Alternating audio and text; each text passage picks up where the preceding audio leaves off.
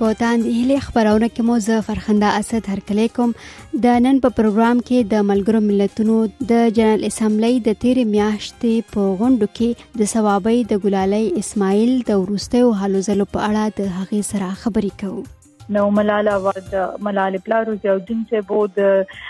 کانګو نه یو جنې مونږ سره په ټیم کې موجوده و دا جنې چې داغه تعلیم یو ډیر دوی وخت پورې اثر انداز شوی او ځکه چې د ملک کې جنگونه روانو هغه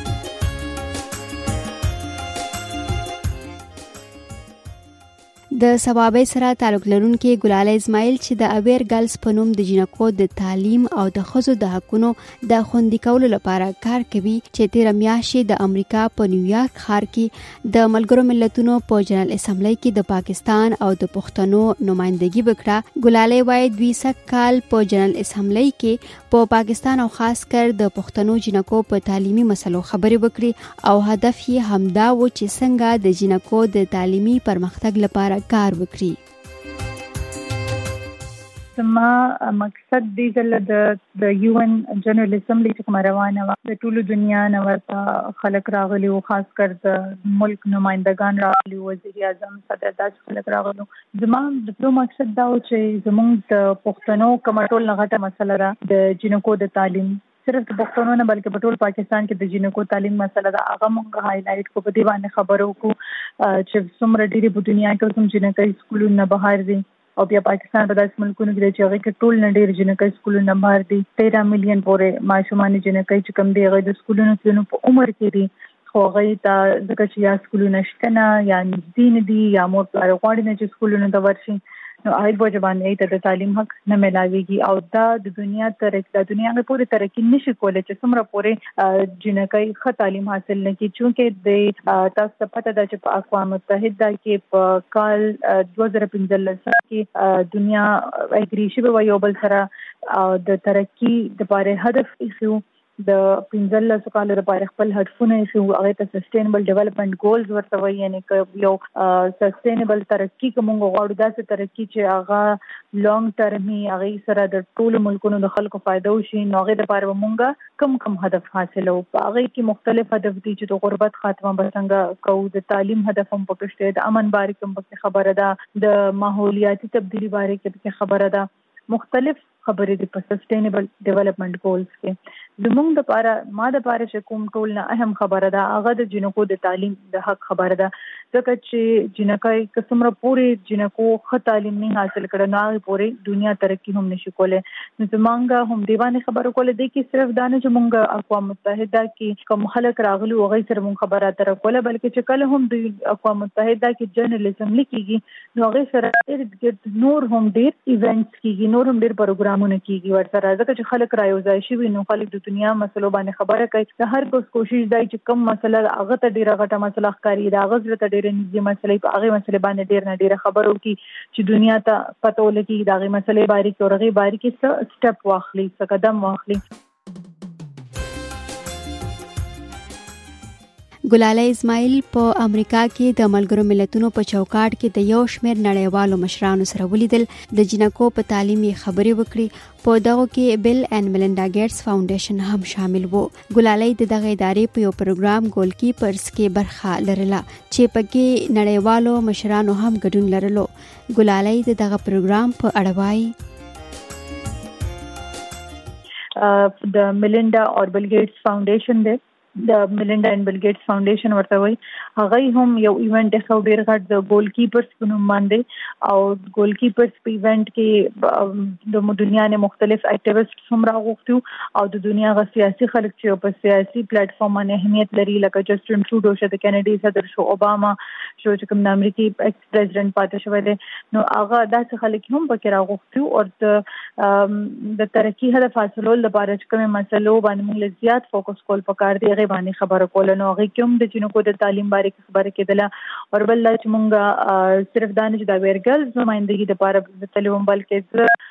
د کوم جنکې دی یا د جنکو جدوجهد دی انداغه نمایندګي د پاره تللی وم مونږ سره ملاله وه مونږ ملاله فنډ چې د ملالې کوم تنظیم دی هغه سره یو ځای هلته کار کو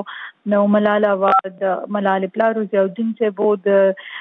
کانګو نه یو جنۍ مونږ سره په ټیم کې موجوده وه داسې جنۍ چې د هغې تعلیم یو ډیر لوی وخت پورې اثر انداز شوی و ځکه چې د په ملک کې جنګونه روان وو هغه ډیسپلیس شوی و مهاجر د مهاجر وخت تیر کړی دی دای پورې دای تعلیم اثر انداز شوی و دا شانتې د سیریا نه یو جنۍ وه چې کوم د یزیدي ګروپ سره تعلق ساته او هغه هم جنگ په ځوانه تعلیم سره انداز شوو ډیر وخت پورې هغه هم مونږ سره و نو مونږ په ایز ا ټیم د سلور خلکو ټیم مونږ د پنځو خلکو او مونږ په مختلف ایونټس کې دا مسله چې کوم دا اوچته کړله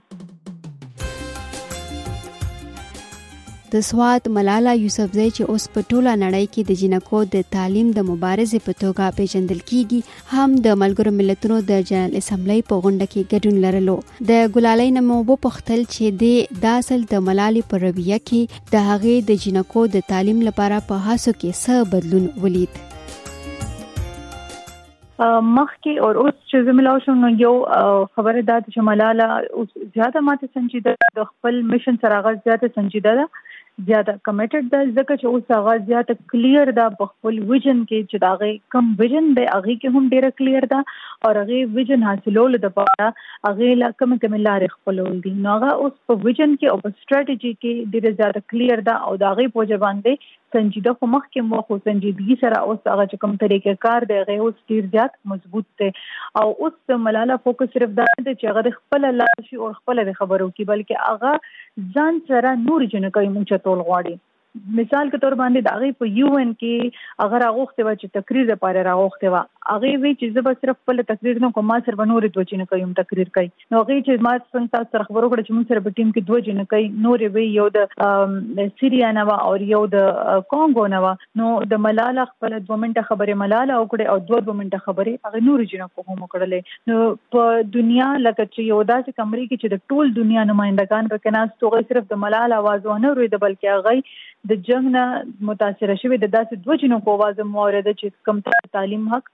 په ټول ژوند کې مسله پاتې شوې ده او هغې ځان له جدوجهد کړو نو دا یو ډیر ښه سټراټجي ده چې هغه صرف کم موقع هغې ته ملاو ده کم رڼا دنیا هغې باندې چې نو هغه هغه خپله موقع نور جینکو سره شیر کوي هغه موقع صرف یوازې ځان له نه اخلي بلکې نور جینکو سره شیر کول غواړي دا شانت د ګول کیپرز ایونټ کې زه هم ورسره موږ سره د افریقې نه یو بل هلک روټ مینوم دی نو ملاله چې په کولکي پر سیوینټ کې خبرې کولې نو الته هغه خپل سپیچ سره سره هغه سره مونږ هم الته سپیچ کو په ایونت کې نو دا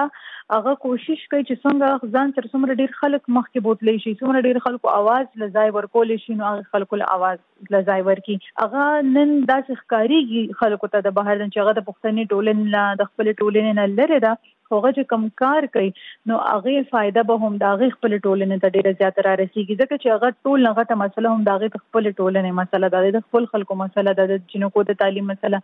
نو هغه صرف هغه زه به دا هم چې کوم کار کوي کوم خبرې کوم پاکستان کې خلکو ته دومره پته نه لګيږي ځکه چې صرف یو نیگیټیو پروپاګاندا دلته زیاته خوريږي په سوشل میډیا باندې خاص کر او چې کوم پوزټیو کار کوي د باره کې خلک دومره خبرې نه کوي خو زمونږ میټنګ د ملالا د ضیاء الدین او زما د پاکستان وزیر اعظم سره شاهد خاقان عباسي سره زمونږ میټنګ وو هغه الته زما لکه ما خپل سترګو مخ کې ولدل چې څومره هغه خبرې اترې کولې د پاکستان وزیر اعظم سره چې ولې پاکستان وزیر اعظم له د تعلیم مسله زیاته هایلایټ کول پکار دي زیات انویسټمنټ په تعلیم کې کول پکار دي او صرف دا نه چې په تعلیم کې انویسټمنټ په د نمبر په لحاظ سره بلکې کوالټي د تعلیم ښه کول پکار دی د هغه تنظیم دې ټیم کې د پاکستان حکومت سره په لکونو ډالر مدد کوي پاکستان له مليز سوري مليونز اف ډالرز ورل ورکړي د پاکستان حکومت له مليونز اف ډالرز ورکړي دي د پاره چې دلته تعلیمي نظام ټیک شي دین علاوه په شانګلا کې خپل هغه سکول لنده جوړي دي لپاره په خپل کلی کې سکول جوړي چې الته ماشومان سبق ویل شي دا غي اوس هم خپل کمیونټي طرف ته ډیر زیات جوکاو د خپل کمیونټي اوس هم ډیر امپاور کول غواړي ډیر سنجیده دي د مخه زیات سنجیده دي ځکه چې حکومت له هم پیسې ورکړي چې حکومت تعلیم خکې او حکومت له پیسو ورکول سره او میلیون ډالر میلیونز لکه په میلیونز کې ډالر ډیر غټه پیسې ډیر غټه پیسې حکومت لور کوي بیا په خپل سکولونو هم جوړي دا غینه علاوه خلک سپورټ کوي مختلف ادارې سپورټ کوي چې کوم خلک د تعلیم حق د بار کار کوي نو غي هم سپورټ کوي نو خپل کمیونټي طرف ته هم چوکاوشته او یو ګلوبل هم ویژن ساتي ځکه چې دا غي نظر خپل ځان څنګه ما وی چې خپل صرف ځان نه مخکې کوي غزان سره ټول دنیا جوړه کوي مخکې کول غواړي د ګلالۍ نه مو دا هم وپوښتل چې سږ کال د جنرال اسمبلی په غونډه کې دی او د دې غونډې نورو ځوانانو او د نړۍ یو شمیر د بشري حقوقو ادارو حکومتي نمائندګانو زیات زور په کوم خبرو راوړو او آیا دوی د نړۍ د پرمختګ لپاره نوې هدفونه وټاکل که څنګه ګلالۍ وایي د چې کوم جنرال اسمبلی واب نو په دې کې د باندې مخکنا نن لګ 2015 کال کې مخکنا د ترقی هدف چې کوم دی نو هغه دنیا خوخ کړو پاغي باندې فیصله شوه و نو دې اوس واپس راتلو مقصد چې کوم نو هغه په اکی هدف باندې خبرو کولو چې مونږ په خپل هدفونو کې څومره مخکې تللی یو کومې مسلې به کې راځي او موږ له بعد څومره تیزېدل پکاري کوم قسم له اکشنز واغستل پکاري که موږ دا هدف حاصلول غواړو ان دې کې نوي ریزولوشنز یا نوي هدف نو بلکې چې کوم هدف مقرر شوی او کومې وعدې شوې دي په هغې باندې خبره کېدله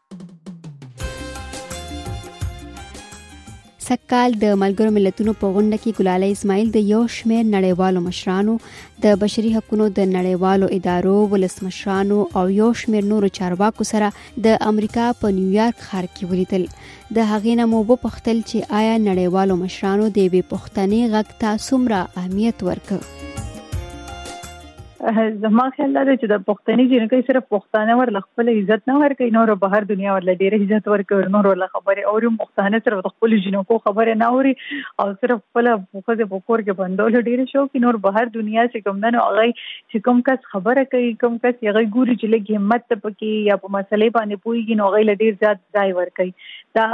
چې کله هم په ما په دنیا کې دا کتل دي د 13 15 کالونه زه کار کوم او ما دا خبره کتلې ده چې کله هم خلک ګوري چې یو کس په یو مسلې باندې اواز اوچتوي او خبره کوي انو ځای ورته ورکوي ځای مو ورکوي اوري ورته اوري موقع ورته ورکوي صرف پښتانه چې پته ورته لګي چې کس په مسلو باندې خبره کوي نو ته مونږ شرمې ته مونږ شرمې مو کو خبره نه ده په زور باندې چپ کول چې ګمدین زمونږ لګ ډیر خاصیت ما ته اوس ښکاری کې جوړ شوی د کم از کم اوس که مخکې نوم نو داسې خاصیت جوړ شوی د زمونږ په بار دنیا کې ډیر خلک اوري عزت ورکي او مختلف په اقوام متحده کې خدای دې چې کله هم خاص کر جنرال اسمبلی کېږي انو ډیر اهم خلک پکې تاسو به ګرځيږي په کوم درته نه لیو د ملکونو صدر او وزیر اعظم بدرنه ارد ګرد تیریږي لکه د ډیر عام خلکو په شانته غيوم پکې ګرځيږي بالکل د عام خلکو په شانته پکې ګرځي په دې کې ما تاسو مختلف اهم خلکو پکې عام خلکو په شانته باغيوم ګرځیدل لکه پريانکا چوپړا او پکې د پريانکا چوپړا او د ملالا په یو په یو پینل باندې دا غي تقریر وو نو پريانکا چوپړا په دې باندې هغه د یونیسف ګډ ویل امباسډر ده ځکه موجوده و په یو کې موجوده و او هغه چې کوم خبره کوله هغه د رویو باره کې زیاته خبره کوله چې که موږ غواړو چې جنکۍ د مخکې لاړ شي نو موږ له خپل معاشره کې په خلکو له رویي بدلول پکاري او د یعنی د خود داسې رویي چې کوم دوستانه د خوځو د پاره د خوځو ژوند لپاره خیر رویي نو هغه شان رویي بخپلول پکاري علاوه تبدیل راځي او بیا د پینل بهر پس عام خلکو په شانته ناس ته موږ پیریدلو ملاو شو ورسره خبره ورسره وکړله چې په مونږ لږ ساعت له خبرې وکړلې په دې باندې مونږ خبره وکړه چې د پاکستان او په انډیا کې دننه اکثر یو قسم له مسلې خو زور جنکو ته یو قسم له مسلې زمونږ جدوجهد هم یو قسم لري انو ځکه به مونږ له پارټنرشپس او یو ځای کار هم ډیر کول پکار د دواړو ملکونو خلکو له د دواړو ملکو خلکو له یو ځای کار هم کول پکاري ځکه چې زموږ مسلې ډېری یو شان دي